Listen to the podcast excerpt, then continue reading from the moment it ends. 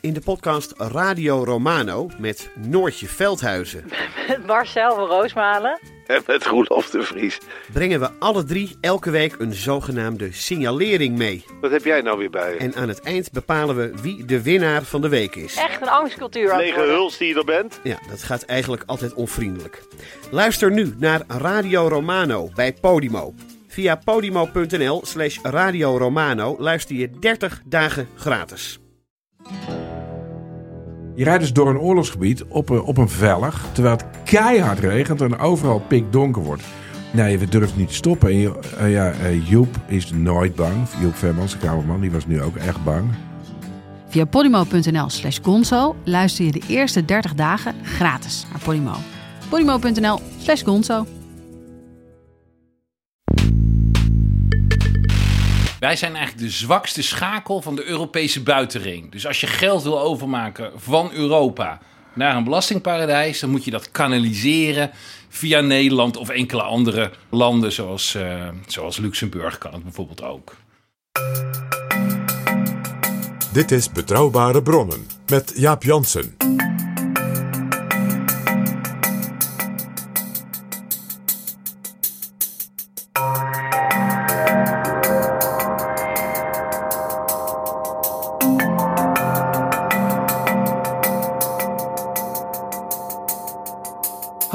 Welkom in Betrouwbare Bronnen aflevering 104. Soms hoor je iets in het nieuws over grote bedrijven en belasting betalen. Bijvoorbeeld dat Shell in Nederland nauwelijks winstbelasting betaalt. Of dat de Rolling Stones en Bono om fiscale redenen in Nederland gevestigd zijn met een zogenoemde brievenbusfirma. Nederland is een doorsluisland. In 2019 berekende het Centraal Planbureau dat door Nederland jaarlijks zo'n 200 miljard euro stroomt. Bijna zes keer de omvang van ons bruto binnenlands product. Veel van die bedrijven zijn Amerikaans. Ze gebruiken Nederland als draaideur en betalen uiteindelijk op Bermuda, een eenzaam eilandje in de buurt van de Verenigde Staten, 0% vermogensbelasting en verder ook bijna geen belasting. Ik ga erover praten met Jan van der Streek, hoogleraar belastingheffing van Concerns. Hij was lid van de commissie die op verzoek van de Tweede Kamer onderzoek deed naar belastingheffing bij multinationals. De commissie onder leiding van Bernard Terhaar, die twee weken geleden met haar rapport kwam. Welkom in Betrouwbare Bronnen, Jan van der Streek. Zoals ik net zei, Nederland faciliteert dus belastingontwijking. Ja, dat zou je kunnen zeggen dat Nederland faciliteert belastingontwijking van multinationale ondernemingen. Dat klopt, daar zijn we speel in geworden. Waarom doet Nederland dat? We hebben een belastingstelsel wat heel erg georiënteerd is op onze open economie. Dus we willen eigenlijk alleen maar de winst belasten die in Nederland wordt gemaakt. Die is vaak klein, we hebben een kleine thuismarkt. En de rest van de winst stellen we allemaal vrij. En dat nodigt uit tot eh, doorvoer. Tot in- en doorsluizen van gelden die uiteindelijk op belastingparadijzen belanden. Er zijn nu wel heel veel maatregelen getroffen door dit kabinet om dat tegen te gaan. Maar de afgelopen decennia is dat eigenlijk uit de hand gelopen. Ja, in dit kabinet is eigenlijk Menno Snel er heel erg mee bezig geweest. En het werd al een beetje voorbereid onder minister Dijsselbloem en toen staatssecretaris Wiebes.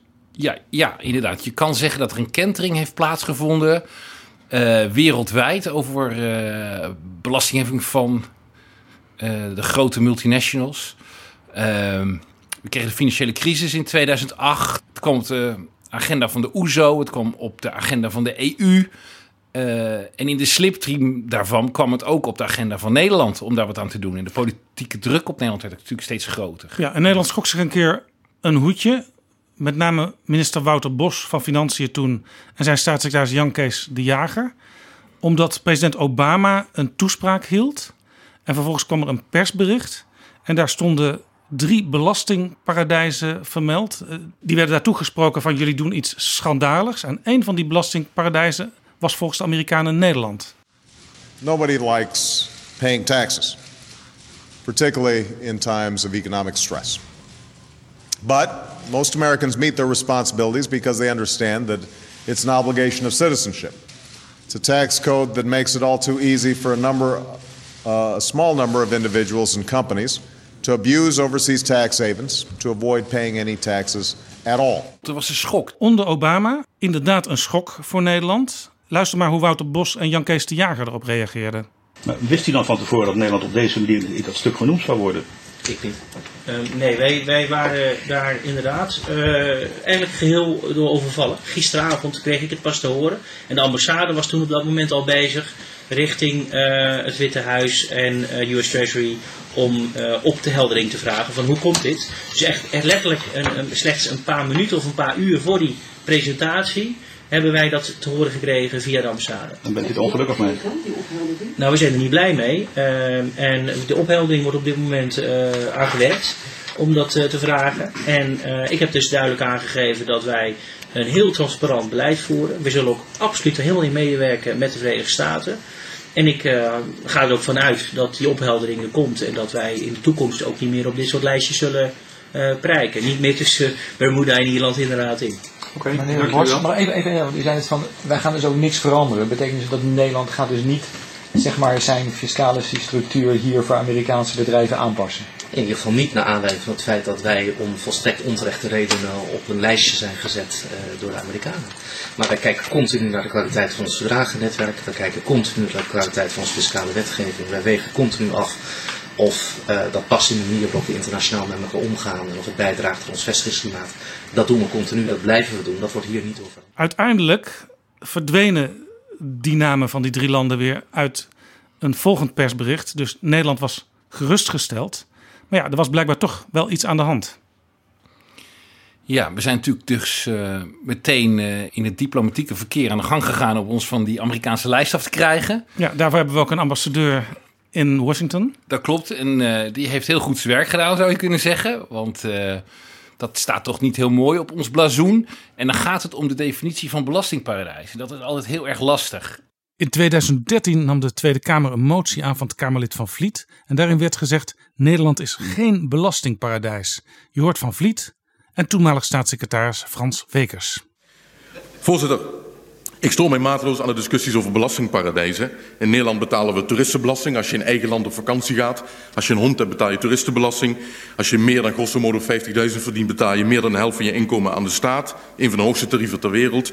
Als je als uh, uh, vennootschapsplichtig bedrijf iets geregeld wil hebben, dan moet je loopgravenoorlogen voeren met de Belastingdienst. Allemaal prima geregeld. Maar uh, dat we nou een belastingparadijs zijn, nee. Dus voorzitter, even de volgende motie. De Kamer gehoord de beraadslaging. Overwegende dat er een actuele discussie plaatsvindt over belastingontwijking door grote bedrijven via belastingparadijzen. Overwegende dat sprake kan zijn van Nederland als fiscaal gunstige vestigingsplaats door ons verdragennetwerk, onze rulingpraktijk en onze deelnemingsvrijstelling. Overwegende dat dit geen sinds de voor Nederland kwalijke kwalificatie van belastingparadijs rechtvaardigt, verzoekt de regering deze kwalificatie te verwerpen en waar mogelijk in de discussie erop aan te dringen deze kwalificatie achterwege te laten en gaat over tot de orde van de dag.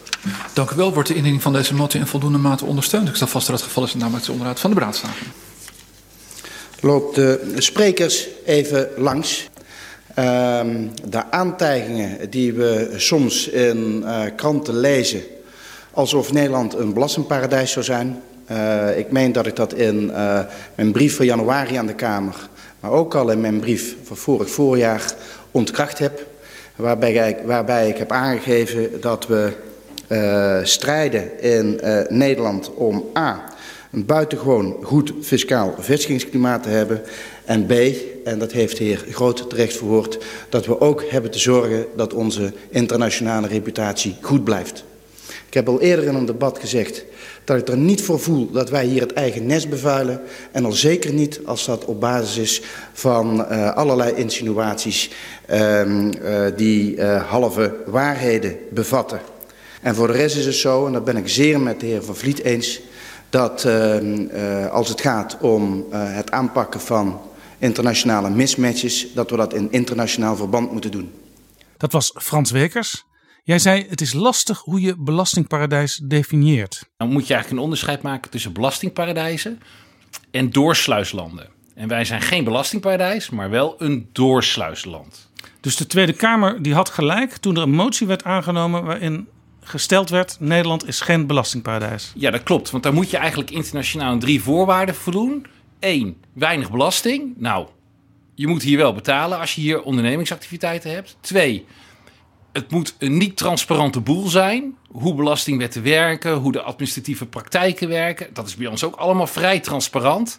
En drie, ehm, je moet geen informatie als land willen uitwisselen met de rest van de wereld. Je houdt de boel geheim. Nou, dat doen we ook niet.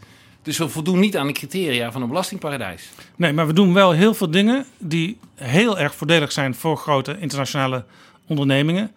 Alleen het is dus allemaal wel volgens de wet. Het is allemaal volgens de regels. Uh, maar die regels die dateren uit het verleden. En die bevatten zwakheden. En die zijn geëxploiteerd door multinationals. Waarbij de landen, waarbij Nederland zelf erbij stond en het goed vond. En dat noemden we belastingconcurrentie tussen landen. Ik bedoel, wij, wij, wij maakten ons daar ons helemaal geen zorgen over. Wij zagen dat zelfs als een concurrentievoordeel van Nederland. dat je internationaal belasting kon ontwijken via Nederland. Ja, een van de dingen die natuurlijk heel anders is dan 20, 30, 40 jaar geleden is. dat je in een paar seconden geld over de hele wereld kunt transporteren. Vroeger moest je misschien uh, brieven sturen als je dingen wilde veranderen in rekeningen. Ja. Ja, dat vind ik een heel goed punt. Want eigenlijk zou je kunnen zeggen dat het kapitaalverkeer vrij is gegeven in de wereld. Ook in de Europese Unie hebben we de vrijheid van kapitaalverkeer. Je kan, het is veel mobieler geworden. Er zijn ook veel meer mobiele activa als merkenrechten. Geld kan vrijelijk stromen zonder barrières. En dat heeft belastingstelsels wel uitgedaagd. En de zwakheden van belastingstelsels eigenlijk uitgemolken. In inderdaad de toename van de vrijheid van kapitaalbewegingen. Nou heb ik Nederlandse bewindslieden vaak horen zeggen in het verleden... oké, wij doen dit, maar ze betalen wel iets... dat is voor Nederland altijd nog beter... dan dat ze ergens anders misschien wat meer zouden betalen. Ja, ja dit is eigenlijk het dilemma van... Uh, belastingconcurrentie. Je hebt het liefst dat ze bij jou nog een beetje betalen. Uh, maar totaal betalen ze dan veel minder. Maar jij kijkt alleen maar naar je eigen belang. Ja, en dat hebben we gedaan. Alleen dat eigen belangdenken is onder druk komen te staan. Vooral omdat de multinationals steeds agressiever belasting zijn gaan ontwijken. Steeds agressiever daarvan gebruik hebben gemaakt. Kijk, je kan belasting ontwijken door gebruik te maken van gaten tussen belastingstelsels. Dat betekent dat het een internationaal probleem is. En dat moet je dus ook internationaal oplossen. Dat kan je alleen maar met samenwerking oplossen. Ja, je hebt, je, hebt, je hebt ook verschillende onderdelen waarover belasting geheven wordt. Een heel belangrijk ding is uh, patent of merkenrecht. Ja. Uh, bij wijze van spreken uh, de firma Starbucks. Die heeft het merkenrecht op wat er op de bekertjes staat. Wij drinken hier trouwens ook in bekers van Starbucks, moet ik eerlijkheidshalve bij zeggen. Uh, maar dat, zeg maar, de afbeeldingen die op zo'n bekertje staan, die zijn ergens in de wereld ondergebracht. En vaak voor bedrijven is dat Nederland. En dat heeft bepaalde voordelen. En andere belastingonderdelen die zijn weer ergens anders ondergebracht. Zo kun je dat helemaal uitdokteren als bedrijf. Ja, ja. Uh, je zit warm, uh, Jaap. heel, heel erg warm. Uh, die merkrechten zijn vaak ondergebracht in belastingparadijzen. Als Bermuda, de ah, Cayman-eilanden. Ik haal dingen door elkaar. Nee, maar je zit... Maar op een gegeven moment... dan moet het geld wel naar Bermuda en naar de Cayman-eilanden. En als je rechtstreeks een royalty overmaakt... van Frankrijk of Duitsland naar Bermuda... dan zal Frankrijk of Duitsland zeggen... ja, daar gaan we bronbelasting op heffen... want dat gaat naar een belastingparadijs dan is het slim om het eerst over te maken, het geld, naar een Nederlands brievenbusmaatschappijtje, die dat vervolgens doorbetaalt naar Bermuda. Want uh, landen als Duitsland en Frankrijk zijn Europese Unie bondgenoten. En via Nederland denken ze dat is ook Europese Unie, dus dat is veilig. Maar vervolgens gaat in Nederland de deur aan de achterkant open richting Bermuda dit is exact het idee. Wij zijn eigenlijk de zwakste schakel van de Europese buitenring. Dus als je geld wil overmaken van Europa naar een belastingparadijs, dan moet je dat kanaliseren via Nederland of enkele andere uh, zeg maar landen, zoals, uh, zoals Luxemburg kan het bijvoorbeeld ook. Ik las in een stuk van Tax Justice dat Nederland de EU 10 miljard dollar laat derven. Dus 10 miljard dollar die niet in Europese Unielanden terechtkomt bij de belastingheffing. En dat Nederland daarvoor in ruil 2,2 miljard ophaalt bij multinationals.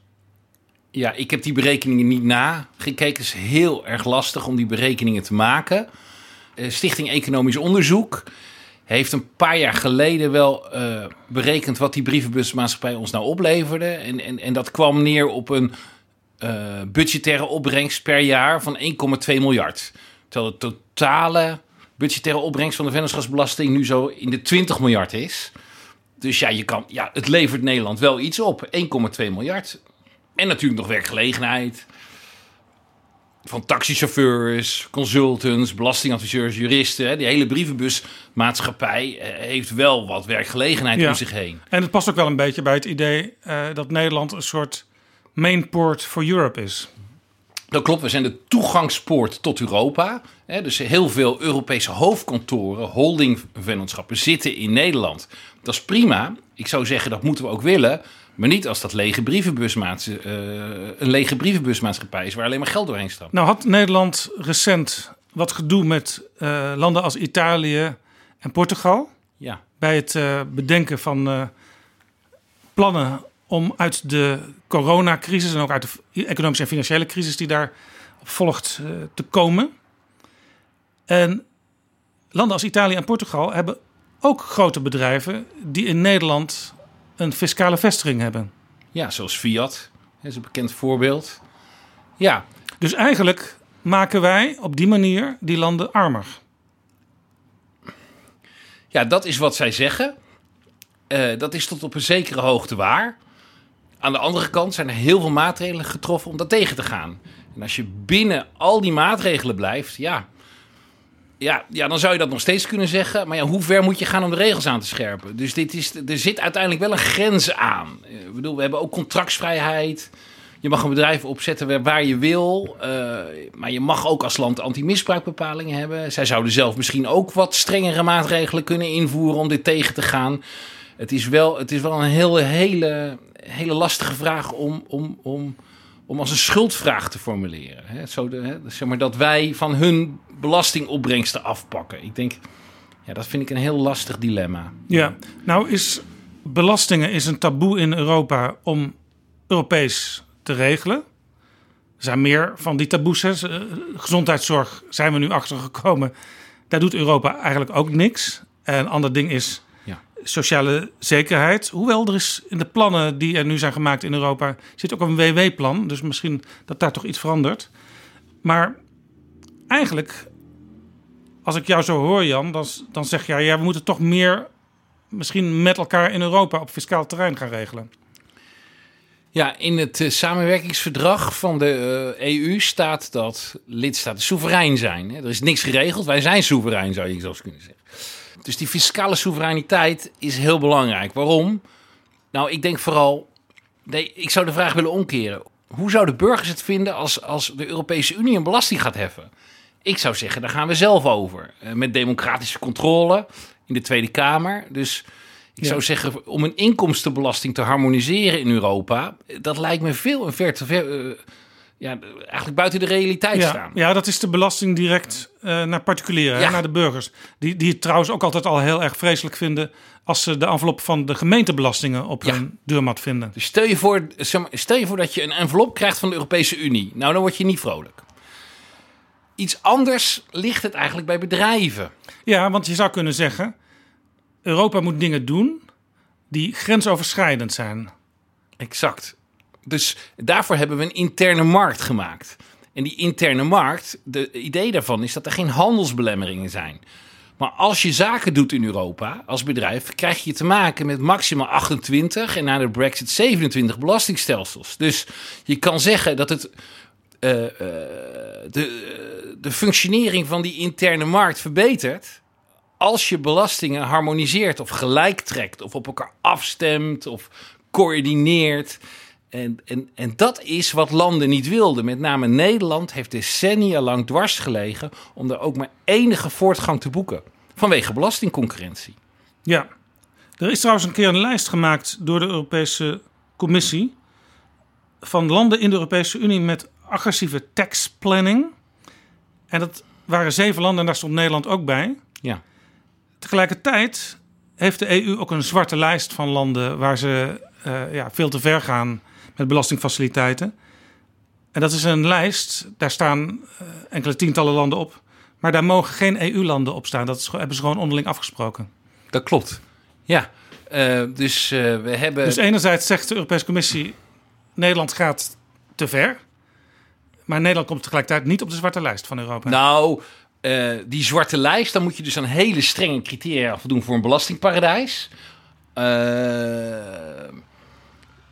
Ik denk ook dat als we die criteria zouden toepassen op Nederland, dat wij niet op die zwarte lijst nee, zouden hebben gestaan. Daar speelt misschien wat jij eerder exact. zei. Nederland is wel transparant. En Nederland geeft wel de informatie die organisaties ja, en klopt. Europa en de OESO en zo vragen. Dat klopt. Het enige, aan het enige criterium waaraan wij doen van eh, die Europese zwarte lijst, is dat we eigenlijk een offshore industrie hebben. Maar eh, met heel veel brievenbussen. Uh, alleen uh, dat op zichzelf beschouwd is geen voldoende argument om als belastingparadijs te worden aangemerkt. Want dan moet je ook nog voldoen aan de niet-transparantiecriteria, et cetera. Dus het feit dat de Europese Unie een zwarte lijst heeft opgesteld met belastingparadijzen voor niet-EU-landen. Uh, ja, dat is natuurlijk een politieke kwestie. Ze wilden niet elkaar gaan aanwijzen. Maar als we een gedachte-experiment zouden doen van zou Nederland erop staan? Nee, nee, nee. Nee. Als ik toets, dan staat Nederland er niet op. Dit is Betrouwbare Bronnen. U bent hoog, hoogleraar. U werkt dus met studenten. Als u dit soort dingen vertelt, krijg je dan een soort tweedeling in de collegezaal? De, de ene helft eh, die zegt wat een schande, daar moeten we iets aan doen. En de andere helft, oh dat ga ik straks eh, allemaal adviseren aan de bedrijven waarvoor ik ga werken. Nou, ik werk uh, van oudsher, sinds 2003 werk ik aan de juridische faculteit. En daar leiden wij fiscaal juristen op. En die zijn heel erg gefocust op de regels. Dus ons onderwijs is helemaal gericht op de regels. Maar dat zijn vaak mensen die op de Zuidas gaan werken. Dat klopt, dat klopt.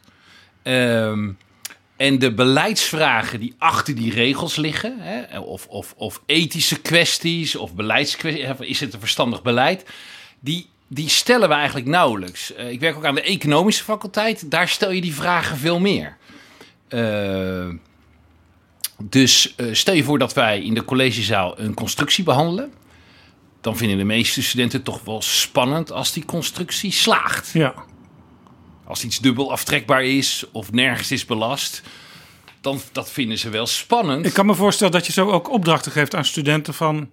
Uh, dit is de constructie, ga na of die constructie houdbaar is en kom met argumenten. Klopt. Dus of die houdbaar is uh, in de belastingaangifte we stellen niet de vraag. Ja, die, eigenlijk zou die student dat aan het eind van zijn studie in zijn scriptie. Hè, dan gaat hij synthesiseren, dan gaat hij evalueren, dan gaat hij met een helikopterview er naar kijken. En dan, dan, dan zou de vraag beantwoord kunnen worden: eh, is het wenselijk dat we dit soort constructies hebben? Maar je moet ze eerst opleiden, je moet ze eerst verstand laten krijgen van die constructie. Je moet ook niet te lang wachten met de ethische vragen, want dan werken ze al op de Zuidas. dit is uiteraard een dilemma waarmee wij aan het worstelen zijn. Dat, ik, ik, ik, ik, uh, ik geef sinds kort ook het eerstejaarsvak inleiding fiscaal recht. En aan andere universiteiten, dan begint men altijd uh, de hoofdregels uit te leggen van het belastingrecht. En ik ben juist begonnen in dat vak met beleidsvragen. Waarom hebben we de belastingheffing? Ik doe bijvoorbeeld een heel college over de dividendbelasting. Wat speelde daar? Waarom wilde het kabinet het afschaffen?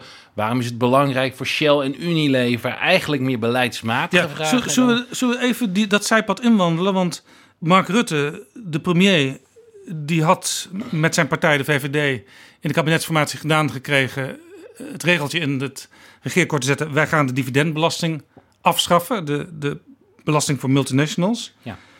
En Jij hebt uiteindelijk ook in de rechtbank uh, tegenover de landsadvocaat om meer informatie over onderliggende stukken, over die besluitvorming daarover te krijgen. Ja. Uh, dus jij vond als fiscalist, als fiscaal deskundige, als hoogleraar dat een hele interessante casus. Ja, ik vertrouw dit niet.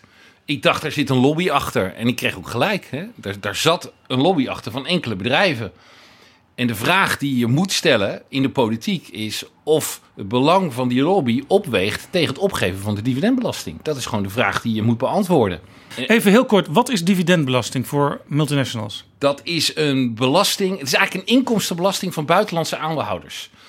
Dus als er buitenlandse particuliere beleggers die beleggen voor hun pensioen of hun spaargeld in aandelen Shell of Unilever of Philips of Axo.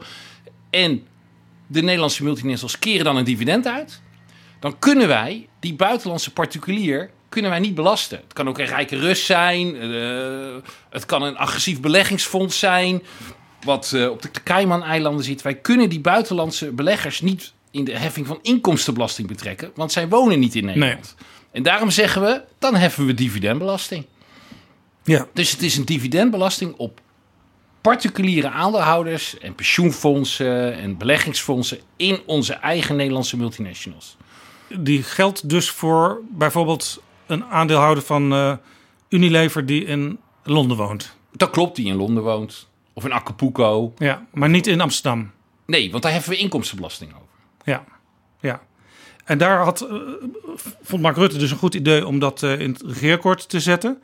Hij kreeg, dat is ook wel eens verteld, uh, vanuit het idee... ja, we moeten de VVD ook nog wat geven op het laatste moment in de kabinetsformatie. En er werd blijkbaar niet zo op gelet, want de inkt was nog niet droog... en de coalitiepartners, met name D66 en ChristenUnie... dachten al, wat hebben we in godsnaam aan de VVD gegeven? Ja, ze hadden het over een meloen doorslikken, kan ik me herinneren ja, uit het debat... Ja. Uh, ja, dat klopt. Er ontstond ook veel maatschappelijke commotie. Ja, en het was uh, feest voor de oppositie, want die konden in elk debat de afschaffing van de dividendbelasting erbij slepen. En ik dacht, vandaag gaat het komen. De minister-president begint met drie redenen waarom we dit moeten doen. En wat hoor ik? Argument 1, vestigingsklimaat. Argument 2, vestigingsklimaat. Argument 3, vestigingsklimaat. En ik vraag de minister-president, is er echt niks anders? Is er niks beters dan alleen dat oude riedel van het vestigingsklimaat, terwijl je aan de andere kant van de samenleving zoveel weerstand ziet. De minister Pees. Kijk, voorzitter, de heer Koezoe vat het precies samen. Dat is ook precies mijn betoog, dus dank daarvoor. Nog korter dan ik het deed. En laat ik daar nog het volgende bij zeggen.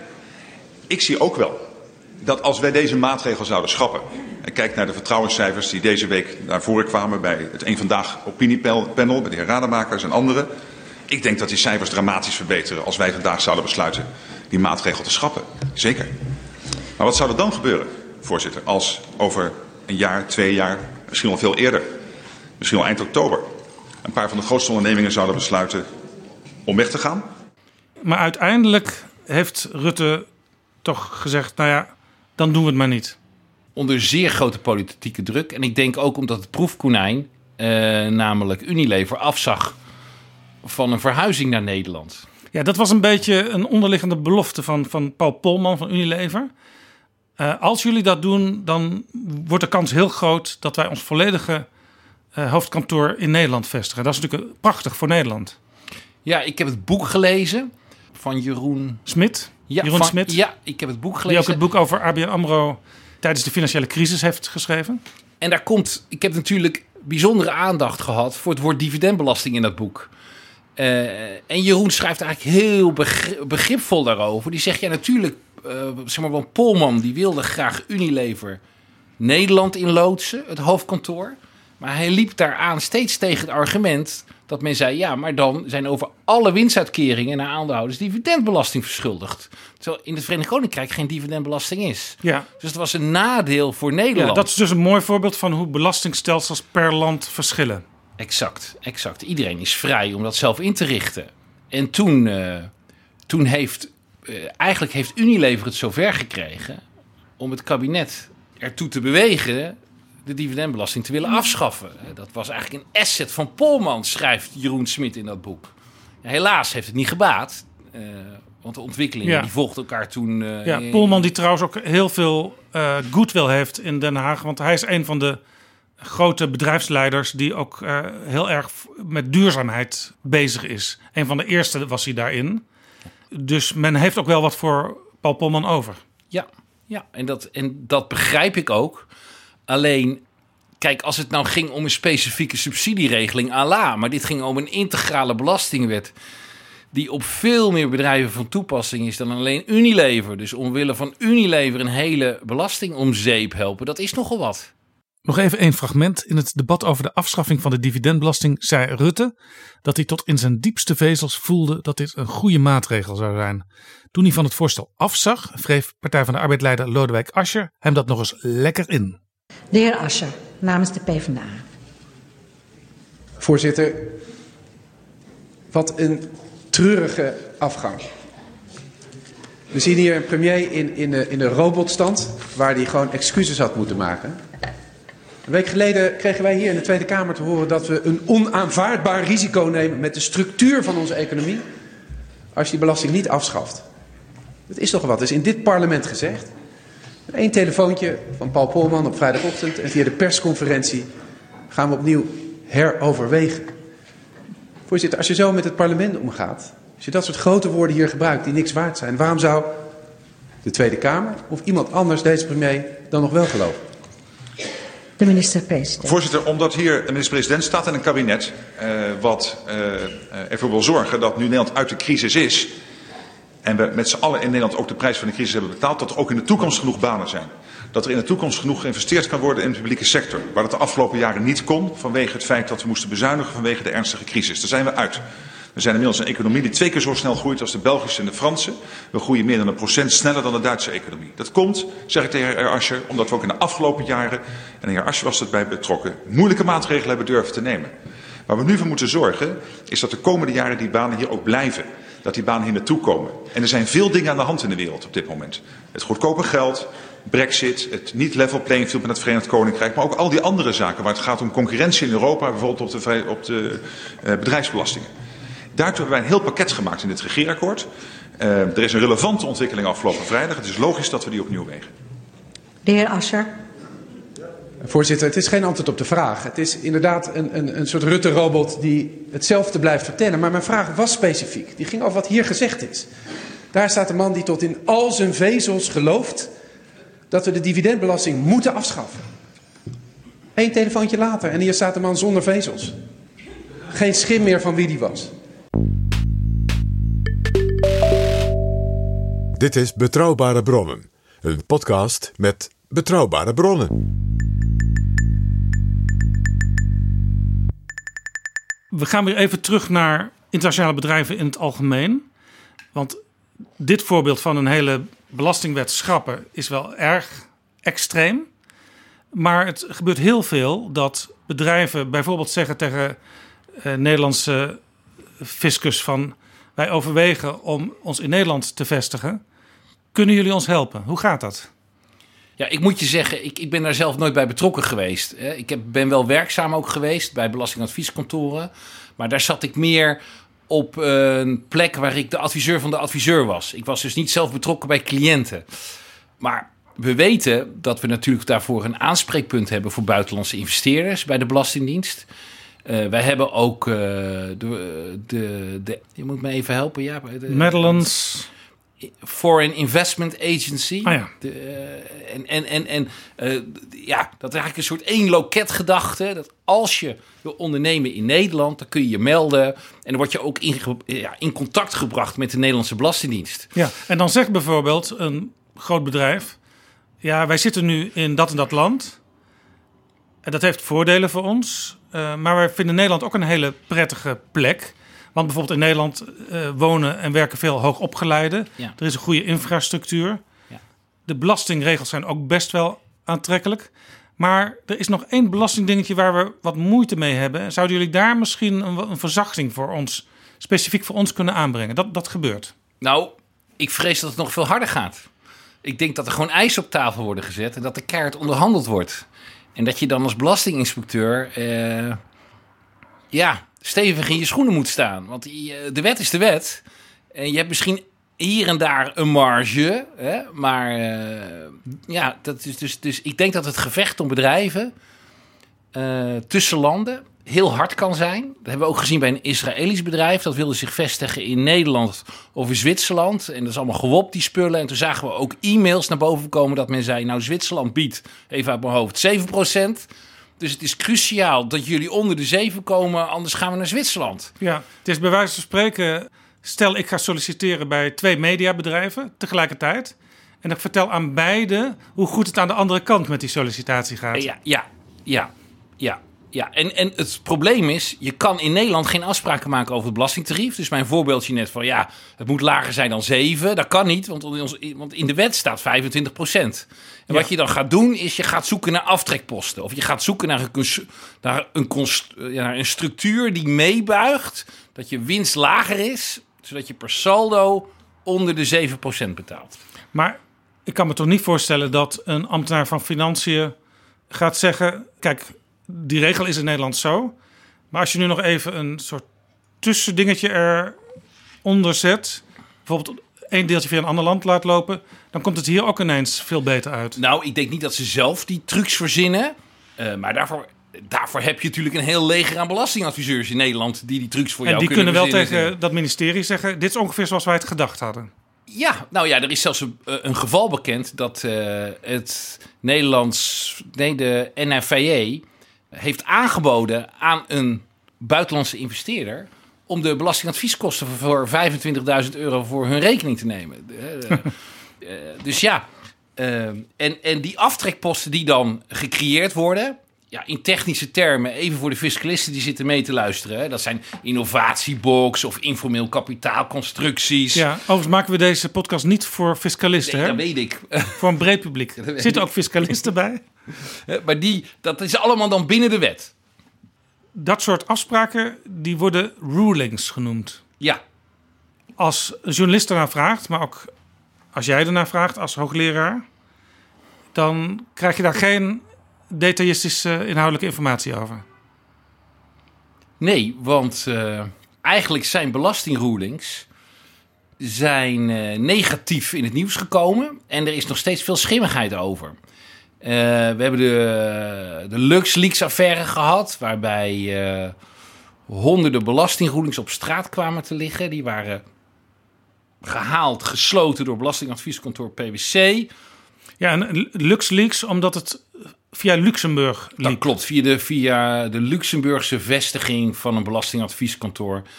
eh, Had een medewerker had zich gelekt naar de pers. Daar was En een harde ze- schijf was op straat komen te liggen. Ja. ja, en daar stonden allerlei constructies eh, in. Eh, de Europese Commissie is er ook opgedoken. Hè. Die is die begonnen. En eh, kijk, belastingroeling zelf, daar is helemaal niks verkeerds mee. Want eh, als jij een investering wil doen, of een fusie of overname, belastingregels zijn heel erg complex. Ja. Zeker voor bedrijven. Dus dan wil je zekerheid vooraf. Maar staat het niet een beetje op gespannen voet met wat je eerder zei? En Nederland is geen belastingparadijs, want wij zijn transparant. Ja, maar Dit ook- is niet transparant. Nee, oh, exact. exact. Hier, hier moeten we, he- he- hebben we een slag gemaakt, maar zouden we nog een extra slag kunnen maken? Maar eh, de crux is, die belastingrulings, die hebben als vliegwiel gefunctioneerd voor belastingontwijking. Want eh, die belastingruling is bedoeld om jouw zekerheid vooraf te geven, dat je weet waar je aan toe bent.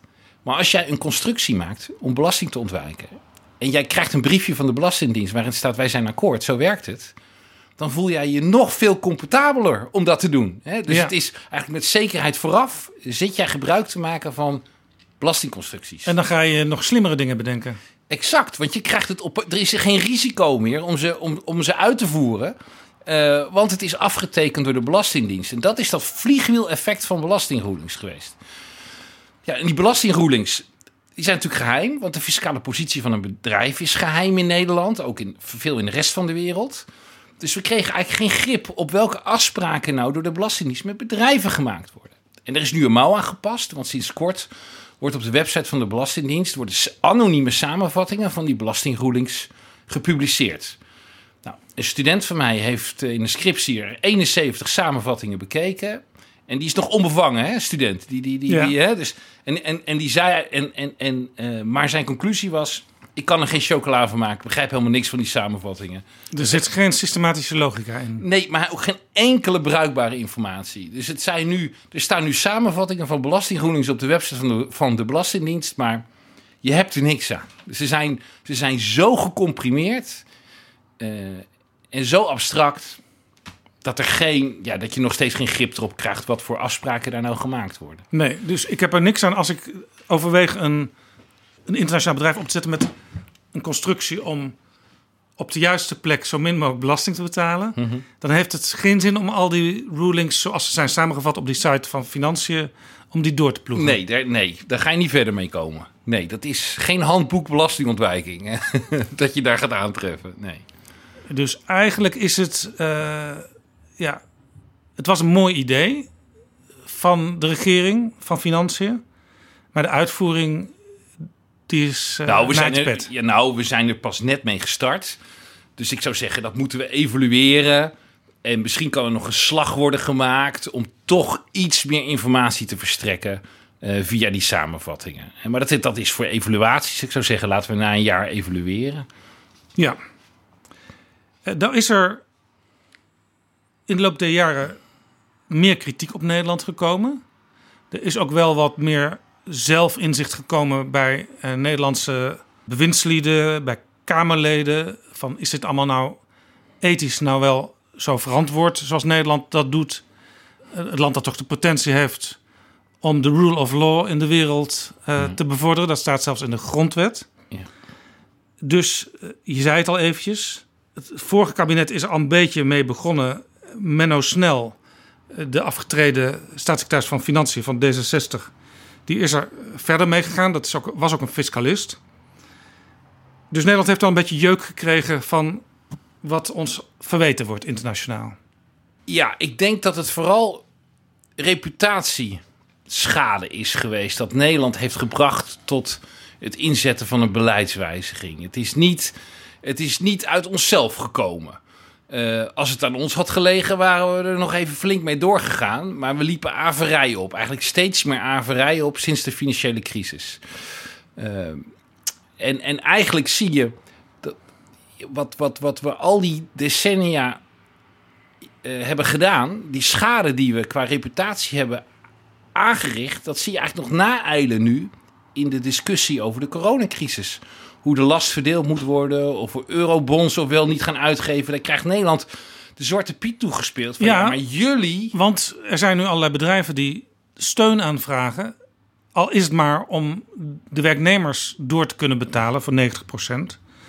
Ja, daar wordt op gewezen van hé, hey, dat bedrijf Booking.com dat heeft allerlei slimme fiscale constructies.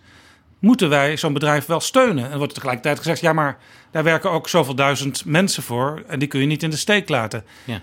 Uh, ander voorbeeld natuurlijk KLM, waar de top bonussen krijgt. En waar nu wordt gezegd door de Tweede Kamer en inmiddels zelfs door het kabinet: ja, dat is eigenlijk niet de bedoeling. Te, tegelijkertijd hebben die bedrijven zich natuurlijk gewoon aan de wet gehouden. In het geval van Booking.com, ik ken hun aangifte niet, hè, maar. Uh, zij betalen zo weinig belasting omdat ze gewoon gebruik maken van een fiscale faciliteit. De innovatiebox, dan is je, je winst maar belast tegen 7% in plaats van 25%. Ja, ja, de innovatiebox moet je misschien even uitleggen. Dat is een, een idee ook van, van de Nederlandse regering. Van wij gaan innovatieve bedrijven uh, helpen, faciliteren.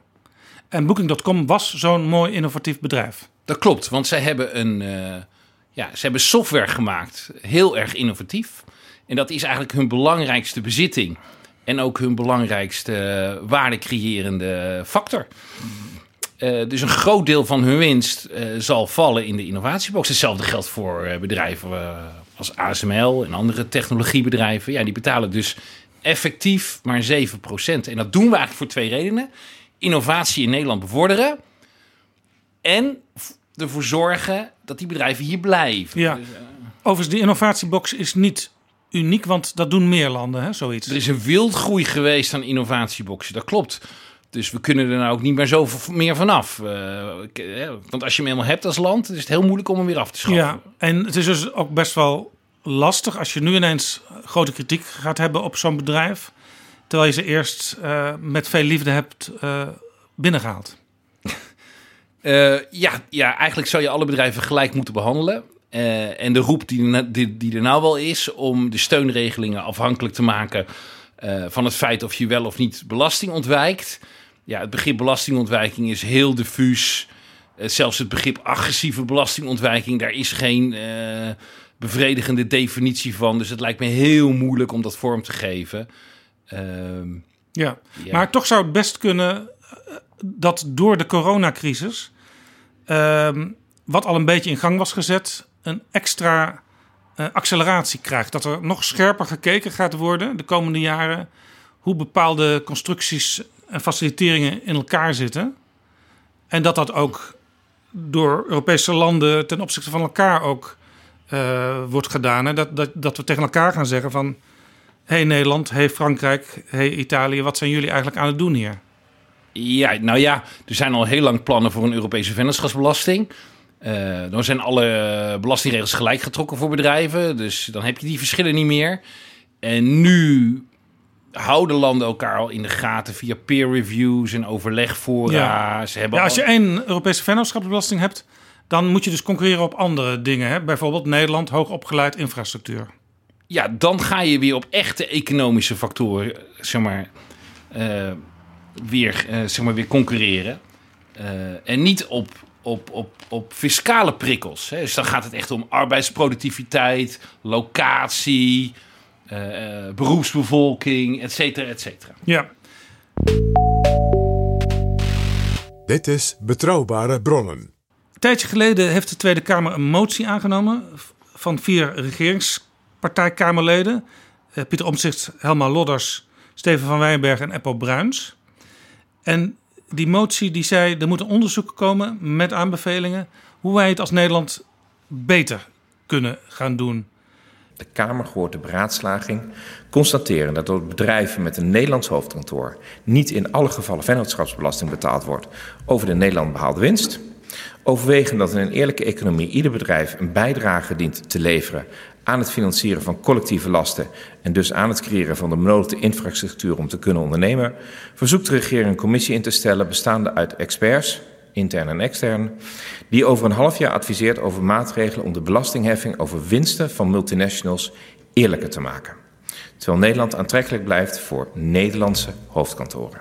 En gaat over tot de orde van de dag, mede ondertekend door collega Lodders van Wijenberg en Bruins. U werd lid van die commissie die nu een paar weken geleden met een rapport is gekomen. Een dik rapport van 150 pagina's. Ik heb het hier voor me liggen. Ik was heel benieuwd naar dat rapport, want ik dacht, dit zal wel het grote rapport zijn waarin tot in alle details uit de doeken wordt gedaan hoe het systeem in Nederland in elkaar zit. Maar in het rapport lees ik heel vaak, we weten eigenlijk nog maar heel weinig. Ja, dat klopt. Uh, omdat we natuurlijk moesten roeien met de riemen die we hebben. Dus een van de aanbevelingen van het rapport is ook vervolgonderzoek. Ja, dat is natuurlijk een beetje een dooddoener voor een, voor een adviesrapport. We hebben dat ook daadwerkelijk gemotiveerd. Uh, Klinkt een beetje als een scriptie van een student. Hè? Het is nuttig als er meer onderzoek naar dit onderwerp wordt gedaan. Ja, dat klopt. Maar voordat je ingrijpende maatregelen treft, wil je weten wat het effect daarvan is en wil je een probleemanalyse doen. En waar wij als commissie tegenaan zijn gelopen, is dat we onvoldoende data hadden. Hoe kan dat nou? Want u werd daar u, u kreeg die opdracht van de politiek. En al die afspraken worden gemaakt op het ministerie van Financiën. Dus daar liggen ze gewoon. Dat klopt, maar wij hebben niet gekeken naar individuele afspraken. Wij wilden natuurlijk uh, naar de populatie kijken. Ja, nee, maar dat, dan is het des te makkelijker, zou ik zeggen. Je doet niemand tekort, want je openbaart geen individuele zaken. Je abstraheert. Dus Financiën kan die spullen aan de commissie geven. Nou, maar ze hebben ook eigenlijk uh, ze hebben alles gegeven wat ze hadden. Alleen dat is niet voldoende om te bepalen of er belasting ontweken wordt of niet. Want de enige gegevens die we hebben gekregen zijn de fiscale gegevens. Als je de effectieve belastingdruk wil berekenen, dan moet je het volgende breukje uitvoeren: betaalde belasting gedeeld door de winst. de enige winst die we hadden was de fiscaal berekende winst. Ja, dan kom je altijd uit op het nominale statutaire tarief van 25%. Want dat is winst die bijvoorbeeld onder de streep overblijft als je heel veel aftrekposten hebt toegepast. Ja, dat klopt. Of die al gemanipuleerd is met verrekenprijzen en met royalties. En grote bedrijven die hebben ook vaak dat ze, bijvoorbeeld Shell doet dat, dat ze allerlei uh, lastige kosten, die trekken ze in Nederland af. Nee, nee, ja, maar, nee, maar daar hebben we wel voor gecorrigeerd. Oh. We hebben namelijk het, we hebben gedeeld door niet de fiscale winst, maar het bruto fiscale bedrijfsresultaat. Dus dat is nog voor aftrek van die buitenlandse verliezen van Shell. Dus je ziet wel dat de Nederlandse multinationals, waarschijnlijk door die aftrekpost van Shell, eh, zeg maar uitkomt op een tarief van gemiddeld 19%. In plaats van waar ze op uit hadden moeten komen, 25%. Maar dat is te verklaren door de innovatiebox Ja, of de ja. liquidatieverliezen. Ja. Dus alleen dat effect hebben we wel kunnen onderkennen. Ja, maar goed, het- het is dus lastig om echt een goed inzicht te krijgen in hoe de constructies werkelijk eh, worden toegepast in Nederland. Dat klopt, daar willen we dus meer vervolgonderzoek naar hebben. Nou, hoe, ja, hoe, zeg maar, hoe zit het met royalty-structuren? Hoe zit het met hoofdkantoorkosten? Want wat je eigenlijk wil weten is... Kijk, wat je wil belasten in de winstbelasting... is het rendement op geïnvesteerd kapitaal. Alleen dat rendement weten we niet. Dan zou je in de commerciële jaarrekening kunnen gaan kijken. Maar wat doen multinationals? Die maken alleen maar hun wereldwijde geconsolideerde commerciële winst openbaar. de dus- hele taart. Ja, dus alle constructies daaronder en per land onderscheidelijk gemaakt, dat, dat is er niet. Nee. Dus je weet niet wat de winst in Nederland is volgens de bedrijfseconomische werkelijkheid. En, en als je die weet, dan zou je kunnen zeggen: we delen de betaalde belasting op de bedrijfseconomische winst. Komt daar nog steeds 25% uit? En Dat is heel erg interessant. En dat zou heel goed kunnen zijn, maar dan kan die bedrijfseconomische winst gemanipuleerd zijn. En het leuke ervan is, nu krijg je eigenlijk eh, juristen en economen tegen elkaar, die gaan tegenover elkaar staan qua interpretatie. Want juristen die zeggen altijd, eh, ja, de winst is de winst. Ja, die kijken naar de regels, die zijn uitgevoerd en dit blijft erover. Terwijl de economen zeggen, ja, maar uit macro-economisch onderzoek blijkt dat winsten worden verschoven naar belastingparadijzen. En juristen zeggen, ja, maar eh, ik heb daar regels voor, daar kan een belastinginspecteur in een individueel geval wat aan doen. Ja, en, dan, en, dan, ja, en daarom moeten we hebben we vervolgonderzoek nodig. Of dat ook in, in Nederland het geval is en op welke wijze dat het geval is. Dat die winst verschoven wordt naar belastingparadijzen. We hebben, we hebben nu dus geen bewijs kunnen vinden. Maar we hebben het ook niet kunnen ontkrachten. We, we- Nee, maar er is wel, er is wel toch een breed gedeelde aanname dat er allerlei dingen gebeuren die op zachtst gezegd merkwaardig zijn. Nou, eh, er is internationaal economisch onderzoek dat zegt dat 40% van de winst van multinationals verdwijnt in belastingparadijzen. Dat is het onderzoek van Zoekman. We hebben ook. eh, En hoe komt zoekt men dan aan de gegevens? eh, die gebruikt eh, macro-economische data. Maar dat zijn schattingen.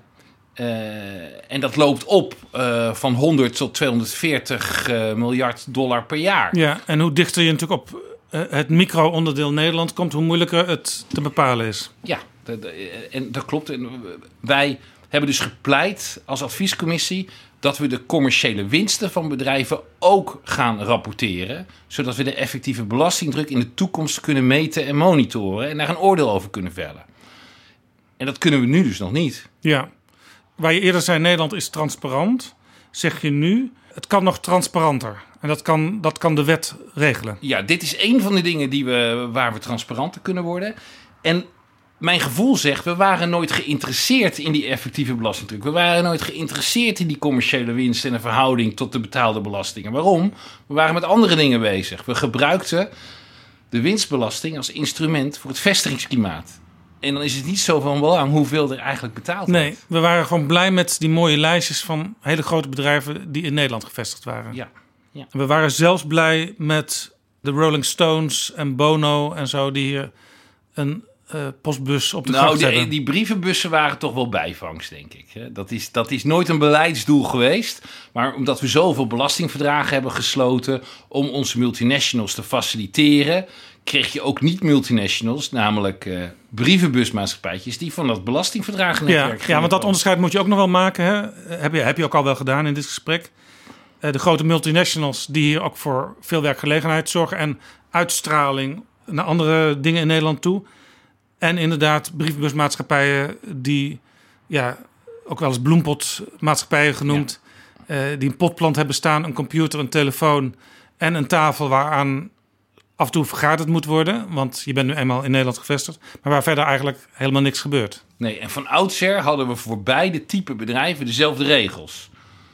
Je, je zou kunnen zeggen, de efficiënte, flexibele en, eh, systeem wat we hadden voor, eigen, voor onze eigen Nederlandse multinationals, is op een gegeven moment ook uitgebaat door brievenbusmaatschappijtjes van buitenlandse multinationals en van buitenlandse beleggers. En, uh, ja, dat, ja. Ik kan me trouwens ook wel voorstellen dat, uh, dat er op financiën een aantal ambtenaren werken die het eigenlijk wel leuk en interessant vinden om met die rulings bezig te zijn. Want ja, je, hebt toch, je snuift toch een beetje op hoe dat internationale bedrijfsleven werkt. Nou, dat lijkt me ook heel erg leuk werk.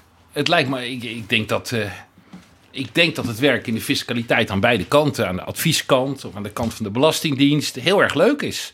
Uh... En het heeft misschien ook het voordeel, want je bent misschien begonnen vanuit een soort idee. Ik ga eens netjes zorgen dat de belastingen geïnd worden. Maar als je daar op een gegeven moment zoveel van weet dat je denkt, nou ja, ik, sta, ik stap over naar een Zuidas bedrijf. Want dan kan ik zes keer zoveel verdienen met hetzelfde werk. Ja, dat is in het verleden ook gebeurd. Dat gebeurt overigens nog steeds. Want die belastingadvieskantoren vinden natuurlijk uh, zeg maar overstappers heel interessant. Ja, en ik denk ook wel, er is ook wel onderzoek naar gedaan hoor, door een collega van mij. Uh, hoe die belastingambtenaren die die rulings afgaven in het verleden, uh, hoe die, die nou naar zichzelf keken. En die waren er hartstikke trots op. Die dachten dat ze iets goeds deden voor dit land. Uh, dus, dus, dus, dus dat, dat, dat, dat, ja. ja. Het werd natuurlijk ook gewoon gevraagd door de ministers van... doe dat voor ons ambtenaren. Dat, dat klopt, daar is op afgetekend... Uh, door opeenvolgende staatssecretarissen van Financiën. Dus uh, ik denk dat ze trots waren op hun werk. Uh, en dat daarmee belasting werd ontweken wereldwijd, ja, dat was niet Nederlands probleem. Zij zeiden tegen zichzelf, dat zie je ook in stukken die gewopt zijn. Wij zijn geen wereldinspecteur. We zijn geen wereldpolitieman. Dus dat hier, ja, dat hier de winst wordt zoekgespeeld via Nederland is niet ons probleem. Ja. Andere landen moeten op hun winkel passen. Maar wij hebben het bedrijf binnen. Alles ten dienste van de BV Nederland. Ja, ja, ja.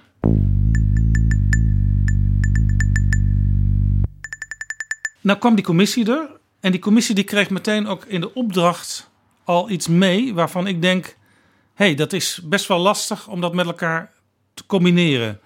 De opdracht was bedenk een systeem dat belastingheffing voor multinationals eerlijker maakt, maar houdt tegelijkertijd oog voor het behoud van hoofdkantoren in Nederland. Dus het vestigingsklimaat was een hele belangrijke sleutel die werd neergelegd al meteen voordat de commissie überhaupt voor de eerste keer bij elkaar kwam. En als ik het rapport lees, dan staat het woord vestigingsklimaat er ook 96 keer in. Argument 1, vestigingsklimaat. Argument 2, vestigingsklimaat. Argument 3, vestigingsklimaat. Ja, dit is dus een onmogelijke taakopdracht, zou je kunnen zeggen. Hè? Omdat die spanning zit erin gebakken. Uh, want als je het eerlijker maakt, hè, of, of althans, ik moet eerst zeggen... Uh, de staatssecretaris die kon al niet met het woord eerlijk uit de voeten. En die dat was dus, Menno Snel nog toen. Dat klopt. En die, die, die, die heeft gezegd, wat eerlijk is, is een politieke vraag. En daarom geef ik de commissie de opdracht om grondslagverbredende maatregelen in kaart te brengen. Ja, grondslagverbreding betekent hoe haal je meer belastingcenten binnen? Dat klopt, het schrappen van aftrekposten, maatregelen zou je het kunnen noemen. Of bijheffingen. Terwijl, uh, terwijl we het vestigingsklimaat niet om zeep helpen. Daar kwam het in feite op neer. Alleen, dit is ook elke grondslagverbredende maatregel heeft een negatief effect op het vestigingsklimaat. Ja. Dus je moet, je moet continu een balans proberen te vinden. En die is heel, ja, die is heel erg lastig om ja. te vinden. Dit geeft al aan dat het een politieke opdracht is. Want de Tweede Kamer vroeg erom. En de Tweede Kamer is natuurlijk ook verdeeld in linkse, rechtse en middenpartijen. Die natuurlijk allemaal wat andere invalshoeken hebben als het gaat om multinationals en belasting betalen. Dat klopt. Dat klopt. Kijk, en mijn persoonlijke mening is dat wij een supergoed vestigingsklimaat hebben. Ook zonder fiscale aftrekposten. Dus eh, ook als we, als we de grondslag zouden verbreden, dan zouden we om andere redenen, niet op fiscaal terrein, maar op allerlei andere terreinen, als beroepsbevolking, infrastructuur, al uh, en ligging, hebben we al heel veel, hebben we al een heel goed vestigingsklimaat. Hè? Dus, dus alleen ook daar zie je dat we in de commissie natuurlijk continu uh, daar discussie over hebben gehad. Ja, ja, die commissie, wat ik hoor jou nu zeggen, ons vestigingsklimaat is eigenlijk al zo goed dat je je best wat kunt veroorloven als overheid, als staat in belastingheffing bij die hele grote bedrijven. Dat kan allemaal best wat, wat, wat ruimer. Die commissie die was ook, dat is eigenlijk ook niet raar, dat heb je in Nederland vaker. Die commissie was ook best wel politiek samengesteld. Er zaten weliswaar geen eh, mensen van partijen in, maar wel bijvoorbeeld eh, ambtenaren, iemand van KPMG Meijburg, zo'n zo'n grote adviseur. Iemand van Loyens en Loef, ook zo'n grote adviseur. Ja, dat zijn mensen die normaal natuurlijk vaak adviseren juist over fiscale routes. Ja, even, ik, ik heb ze niet geteld. Volgens mij 11 of 12 leden hadden we. En eh, ik denk ook dat dat de discussie ten goede komt als iedereen vanuit een andere invalshoek ernaar kijkt. Ehm ja, Jaap, jij zit ze nou te tellen, Der- zie ik. 13 leden. 13 leden. Ja, maar eentje eh, die staat er dubbel op, want die hebben elkaar eh, vervangen. Maar er staat Ah, ook ambtenaren in van het Ja. ministerie van Financiën. eh, De voorzitter was ook een ambtenaar die nu voor sociale zaken werkt. In het verleden zich op financiën bezig hield met financiële markten. Dat klopt, dat klopt. Zeg maar Bernard de Haar was dat. Geen, geen fiscalist. En ik denk dat dat de vergaderingen en het verloop van de vergadering ten goede is gekomen. Want hij Ja. kon altijd die helikopterview als het ware houden. Ja, hij kan net als wat ik als journalist probeer te doen, af en toe even eh, voeten terug op de grond. En wat betekent dit nou eigenlijk waar we nu over aan het praten zijn? Ja, nou ja, kijk, en wat betreft die verschillende belangen, eh, die heb je altijd in het leven. Die heb je al op het schoolplein. Ehm, en het is ons gelukt om een basisvariant te maken. En ik denk dat dat het belangrijkste is. We hebben dus een pakket aan maatregelen gevonden waar we ondanks onze verschillende perspectieven. Eh, want zie goed ook, ook economische zaken zat hierin. Hè? En, eco- en economische zaken kijkt traditioneel heel anders naar belastingen. Ja, dat is dan meer de vestigingsklimaat, het ministerie van het vestigingsklimaat. Ja, eh, die, die ziet het liefst helemaal geen belastingen. Terwijl financiën altijd nog de verantwoordelijkheid heeft om de schalkjes te vullen. Ja, Die- dat, ja, dat, dat ja, want in Den Haag wordt wel eens gezegd... eh, eigenlijk is economische zaken gewoon de vooruitgeschoven post van VNO en CW. die, ja, zeg maar, die willen het liever uitgeven dan ophalen. Hè, de- de- nou ja, dus die, als je al die belangen in een mengelmoes samen ziet vallen en je komt tot een basisvariant, dan denk ik dat dat een compliment zou moeten zijn aan onze voorzitter. Dat het hem gelukt is om ons op één lijn te krijgen. Wat is nou de belangrijkste aanbeveling van die commissie? Ja, we hebben een basispakket vastgesteld. En dat basispakket zegt in feite... je moet maatregelen maken die ervoor zorgen dat er een ondergrens komt in de winstbelasting. Die ervoor zorgt dat bedrijven altijd als ze winst maken... tenminste over een deel van die winst belasting betalen. Ja. Dat is het belangrijkste. Dat bedrijven niet door internationale constructies alle lastige kosten in Nederland kunnen aftrekken, waardoor ze de facto niet of nauwelijks meer winstbelasting betalen in Nederland. Ja, we hebben dus niet de vinger gekregen precies achter die internationale constructies. Maar wat wij hebben gezien is dat eh, heel veel bedrijven, ook multinationals, verliezen maken in Nederland. En dat door die verliezen je eigenlijk nooit toekomt aan belasting betalen over winsten, omdat we verliesverrekeningsmogelijkheden ja. hebben. En dat zulke grote verliezen maken, dat dat eigenlijk absurd is in de Nederlandse Nou, verhoudingen. wij, hebben, wij weten niet hoe het komt dat die bedrijven zulke grote verliezen maken. Daarvoor stellen we nader onderzoek voor. Maar om nu al wat te doen, zeggen we... maak een maatregel dat in die jaren dat ze wel een plus hebben... tenminste winstbelasting gaan betalen. En die maatregel die gaat, dus geld, die gaat dus geld opleveren. Die gaat 400 miljoen opleveren. Ja, nou is 400 miljoen niet heel veel. Nou, de totale opbrengst van de vennootschapsbelasting is nu zo'n 25 miljard. Ja, nou dan kun je zeggen dat wij eh, zo'n 400 miljoen hebben gevonden. Ja, dat zal misschien mensen teleurstellen. Eh, maar in het basispakket zit ook nog een maatregel die potentieel heel veel kan opleveren. Eh, alleen die durven we nog niet voor te stellen, omdat we daar meer onderzoek naar moeten doen. Maar dat zou een aftrekbeperking zijn voor royalties. Hè, dus ehm, voor merkenrechten. Voor, en, en, en- Ja. en alleen daar moet nader onderzoek naar Ja, jullie zetten eigenlijk alvast, zeg maar, in theorie die volgende stap. Maar jullie zoeken nog naar de onderbouwing. Jullie willen eerst de feiten echt goed op een rijtje hebben. Ja, want dat is ook goed beleid. Hè? Dat, je, dat, je, dat, je, hè, zeg maar, dat je eerst... Ja, je moet weten wat je doet. Ik bedoel, dit, dit, dit is geen coronacrisis... waar je met het zicht van drie weken eh, hoeft te varen. Ja. Ik denk dat je gewoon met onderzoek veel verder kan komen. En komt die duidelijkheid er binnen afzienbare tijd? Want er zijn natuurlijk allerlei belangen om dat maar zo lang mogelijk niet helder te maken. Ja, nou, ik denk dat bedrijven ook zelf wat kunnen doen. Hè. Dat is ook door de voorzitter opgeroepen bij de publicatie van het rapport. Ik denk ook dat VNO-NCW, eh de leden van VNO-NCW, zouden ook kunnen helpen eh, bij het aanleveren van de data. Die zouden ook hun commerciële cijfers over de commerciële winsten in Nederland over de afgelopen jaren of in de toekomst kunnen gaan aanleveren op vrijwillige basis. Maar die- die aan onderzoekers, aan mij en dan kan ik sommetjes maken. Maar die bedrijven denken, ja, ik zal daar gek zijn. Dan eh, mag ik straks eh 10, 20 procent inleveren bij de fiscus. Nou, eh, de stelling is nu dat eh, ze betalen zeg maar, wat ze moeten betalen. Nou, dat is toch prima als we dat even narekenen. Eh er hoeft niet per se uit te komen dat ze meer gaan betalen. Eh, eh, dat, dat is nog niet gezegd. Eh, eh, ja, dat zou ook een verkeerde reden zijn. Ja, nou ja. aantal opties staan dus in het rapport. Moet meer onderzoek plaatsvinden. Toen het rapport verscheen, een paar weken geleden, kwamen er natuurlijk meteen reacties van belanghebbenden. Heel interessant vond ik de American Chamber of Commerce. Dat is de, zeg maar de Amerikaanse Kamer van Koophandel in Nederland. Ja. Dat zijn de mensen die opkomen voor die Amerikaanse bedrijven... die via Nederland hun belastingconstructies laten lopen. Eh, Dat zijn dezelfde bedrijven waarvan Obama, Barack Obama destijds zei... ja, die doen dingen die wij eigenlijk liever niet zien als, als Amerikaanse regering. Want daardoor krijgen we hier die belastinginkomsten niet. Ja. Die Chamber of Commerce die zegt... wij zijn eigenlijk wel blij met de feiten. En dat, dat heeft waarschijnlijk ook te maken met het feit... dat er te weinig feiten gevonden zijn. Maar ze zeggen ook, we zijn niet blij met alle plannen. Nee. Ja, ik heb hun reactie eh, even kort bekeken. Staat op hun website, hè. En eh, kijk, wat, zeg maar, wat wij hebben gedaan is... eh, wij wilden graag de effectieve belastingdruk berekenen. Maar we wisten de commerciële winst niet.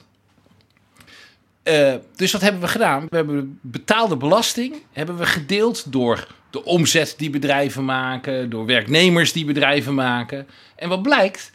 Dat die Amerikaanse bedrijven die in Nederland een vestiging hebben, dat die Nederlandse vestiging relatief veel winstbelasting betaalt per werknemer. Want ze hebben relatief ook weinig werknemers voor. voor, voor, voor, voor, Ja, dan krijg je dus het gekke beeld dat er in Nederland heel veel per werknemer heel veel wordt betaald.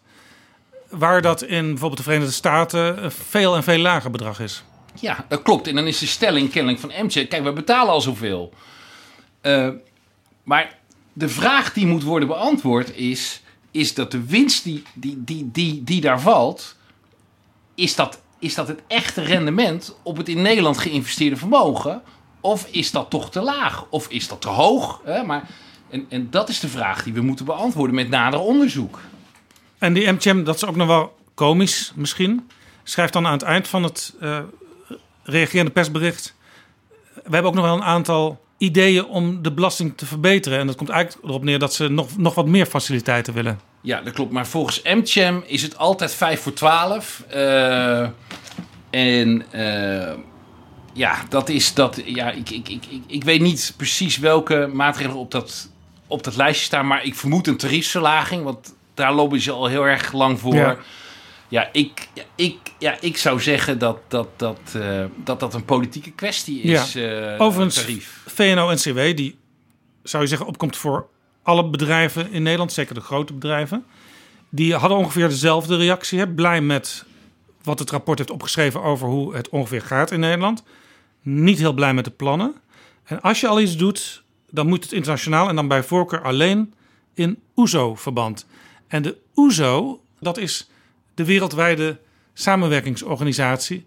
Ja, dan zou je kunnen zeggen, dan is ongeveer het paradijs aangebroken als je via de OESO de belastingheffing kunt regelen. Ja, ja nee, maar eh, dat klopt. Eh, Want dan, dan zijn er geen verschillen meer op de wereld. Ja, ik, ik vind de reactie van VNO en CW vind ik aan de ene kant hilarisch. Omdat ze zeggen, ja, dit rapport erkent dat er niks aan de hand is. eh, ga maar rustig slapen.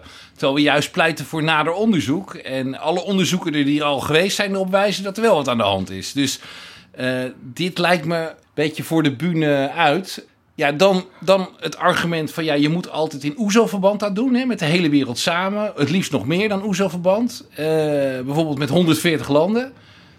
En daarvan wordt dus nu gezegd dat we aan de vooravond staan van een groot internationaal akkoord wereldwijd om de belastingheffing te veranderen. Eh, hoe we digitale bedrijven belasten. Maar we staan ook aan de vooravond internationaal van een akkoord over een internationaal minimumtarief. Dat gezegd hebbende, zegt de adviescommissie... dat is heel mooi dat het internationaal de goede kant op gaat.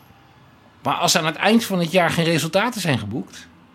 dan hebben wij hier een pakket aan maatregelen... waar je zelf als Nederland mee aan de slag kan. Ja. Dus, dat is, dus de adviescommissie erkent wel dat er ontwikkelingen zijn... ook waar VNO-NCW eh, naar verwijst... Maar om daar nu van al je beleidsopties afhankelijk van te maken, dat moet je niet doen. Je, je, eh, dat is hetzelfde wat Frankrijk zegt. Want Macron die wilde, die, die wilde Facebook en Google en andere digitale bedrijven in Frankrijk gaan belasten. Dat is nou on hold gezet om te kijken of we internationaal een akkoord kunnen bereiken. Maar als we dat niet kunnen bereiken, gaat Frankrijk gewoon weer verder met zijn eigen plannen. Ja. Dat is eigenlijk precies hetzelfde wat wij zeggen. Ja, dus landen moeten zichzelf niet ontslaan van eh, handelen. Want je weet gewoon niet hoe snel en wanneer het uiteindelijk op een wat meer wereldwijde schaal gaat Klopt, gebeuren. klopt. Vond overigens ook wel grappig toen ik de reacties las van MTM, VO en NCW. Ze wezen beide op de economisch zware tijden die nu zijn aangebroken door de coronacrisis.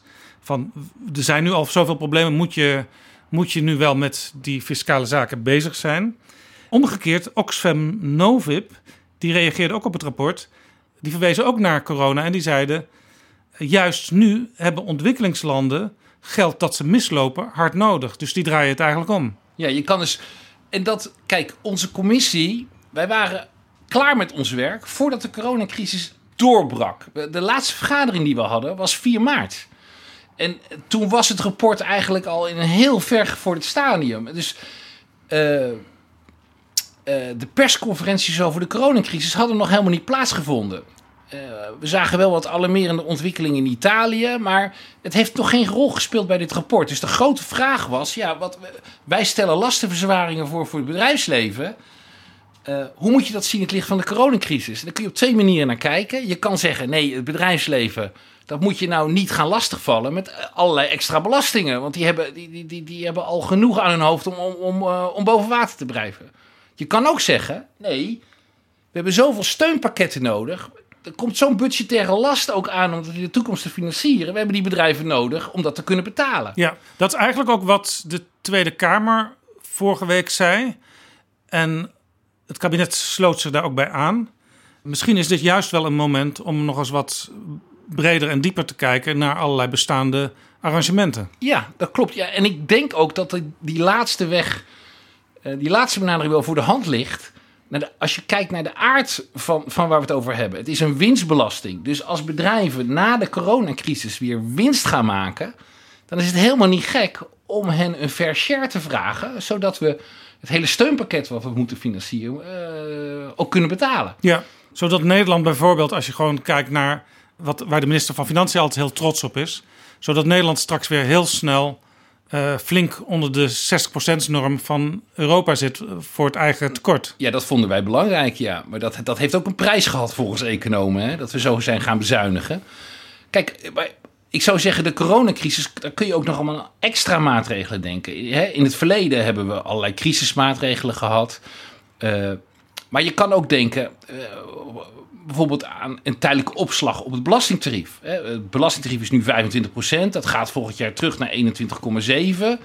Maar je kan ook zeggen, nee, we houden dat nog even een paar jaar op 25. Ja, een soort solidariteitsheffing. Ik, ja, dat klopt. Een soort opcenten, een soort, uh, ja, een soort crisisheffing. Ja, ja. Dat, maar goed, dat is allemaal aan de politiek. Ja, tegenstanders roepen dan altijd meteen van... Uh, ja, zo'n heffing die verdwijnt nooit meer. Ja, dat maar dat kun je natuurlijk gewoon in de wet schrijven. Hè? We, we laten hem vier jaar lopen bijvoorbeeld. Ja, een sunset clause. Ja. ja een horizonbepaling, ja. Die commissie waar jij dus een van de leden van was... die zei, ja, het beste is toch internationaal stappen te zetten. Eigenlijk waar we het zojuist ook over hadden. Maar ze de commissie schrijft tegelijkertijd... dat is lastig met de nationale fiscale autonomie... die voor vele landen heilig is, voor Nederland ook. Staat er in het rapport, eventueel kun je het organiseren binnen Europa. Maar dat vind ik ook best nog wel voorzichtig gezegd. Ja, maar dit, dit is een passage waar we consensus over kunnen krijgen. Mensen denken ook verschillend over Europa. Uh, en Europa, uh, gaat het om het vestigingsklimaat, het vestigingsklimaat van Europa, als je het zo wil doen. Kijk, idealiter maak je een wereldwijd belastingssysteem. Dat is heel erg lastig. Ja, zoals je zelf ook eh, aangaf, om alle landen wereldwijd op, een, op eh, een rijtje te krijgen. Nou, dan is het idee van de commissie, dan kun je maar beter beginnen met Europa. Maar Europa, en dat is die voorzichtigheid misschien die je hebt gelezen, dat zou niet vervolgens het eindpunt moeten zijn.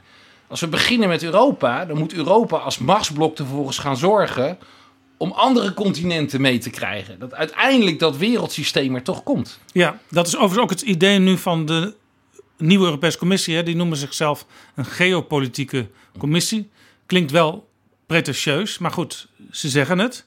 En een van de dingen daarvan, daar waren vorige commissies ook al mee bezig, is om een soort norm te zetten op allerlei eh, economische, vooral op economisch gebied, voor de rest van de wereld, zodat als andere landen, Amerika, China, eh, noem maar op, met Europa willen samenwerken, dan moeten ze eigenlijk voldoen aan de strenge Europese normen. En zo zou je dus ook fiscaal de norm kunnen gaan zetten. Ja, dat klopt. Ja, maar dat is het beleid van de Europese Commissie. Ja. Eh, we willen het goede voorbeeld geven in de rest van de wereld. Ja, ja. En, en dat doen we eigenlijk, daar zijn we al een beetje mee begonnen door die zwarte lijst, Europese zwarte lijst van belastingparadijzen. Waarbij bij andere landen eigenlijk veroordelen dat hun belastingstelsel niet goed genoeg is.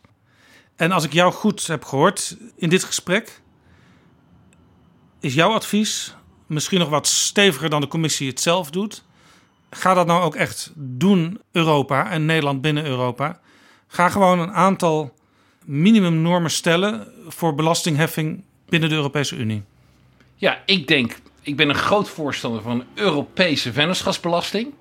Waarbij de landen binnen bandbreedtes nog wel hun eigen tarief mogen bepalen. Maar waarbij we dus de grondslag, de winstberekening gelijk trekken. En waarbij we het liefst ook die consolideren. Dus dat je een Europese taart hebt om te verdelen. Dan moet je verdeelsleutel afspreken tussen landen. Maar volgens mij is dat ook heel goed voor het bedrijfsleven. Want dan hebben ze, als ze zaken doen in Europa, te maken met één Europese fiscale belastingaangifte. Dat is toch, dat is toch heel erg prettig, dat verlaagt de administratieve last. Ja. Nou heeft staatssecretaris Hans Veilbrief, de opvolger van Menno Snel, beloofd deze zomer een beleidsreactie naar de Tweede Kamer te sturen. Er komt voorafgaand ook nog in juni een hoorzitting in de Tweede Kamer. Hans Veilbrief die is topambtenaar geweest in de Europese Unie, bij de Europese Commissie. Hij heeft dus, zou je kunnen aannemen, die Europese blik. Dat kan wel helpen. Ja, ik denk dat dat zeker kan helpen. Ik denk dat hij als geen ander de, eh, de Europese dimensie ziet van beleidsvraagstukken. En zeker zo'n actueel beleidsvraagstuk als belastingheffing van multinationals. Ja, en er zitten ook mensen in het Europees Parlement, bijvoorbeeld de Nederlander Paul Tang, Partij van de Arbeid, die gepleit heeft, dat heeft hij ook in Betrouwbare Bronnen aflevering 14 gedaan, ook voor meer Europees naar belastingheffing kijken. Dus op allerlei niveaus kunnen mensen eh, tot elkaar komen hierin. Eh, je ziet steeds meer radartjes eh, bij elkaar komen, maar nog niet voldoende om nu te zeggen dat het beklonken is. Wat ik denk dat ook bij zo'n Europees stelsel zou horen hè, van belastingheffing, is een Europees rulingraamwerk. Dat, dat we gecoördineerd belastingrulings gaan afgeven aan bedrijven en niet met elk land in zijn eentje. Dan krijg je ook weer verschillen in interpretatiekwesties. En dus, ik, dus, ik, dus ik denk één Europese vennootschapsbelasting met één gecoördineerd of geharmoniseerd belastingruling-raamwerk. Waar Ja. iedereen dezelfde processen hanteert. Ja, dat zal nog wel een hele hoge drempel zijn hè, als je ziet hoe schimmig er al in Nederland over die rulings gedaan wordt. Ja, maar dat hoort er wel bij. Dat hoort er wel bij. Want belastingheffing eh, van bedrijven zonder rulings kan niet. Dus als je, het één, eh, als je het één gaat harmoniseren, dan moet je ook eh, belastingrulings harmoniseren. En daar zie je meteen de, de extra hobbel. Ja. ja. Jan van der Streek, volgens mij hebben we alles wel een beetje besproken wat er te zeggen valt rondom de belastingheffing van grote internationale concerns en ook rondom het eh, rapport. Mag ik je hartelijk danken voor dit gesprek. Ja, graag gedaan.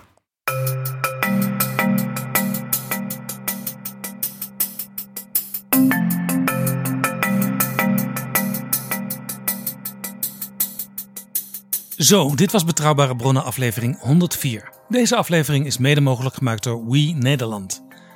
Overweeg je Betrouwbare Bronnen te sponsoren of in deze podcast te adverteren? Stuur dan een mail naar Flip Kilian Adams. Dat is flipapenstaartdagennacht.nl. Heb je vragen of opmerkingen? Mail dan naar betrouwbare bronnen apenstaartdagennacht.nl. Tot volgende keer. Betrouwbare bronnen wordt gemaakt door Jaap Jansen in samenwerking met dag en nacht.nl.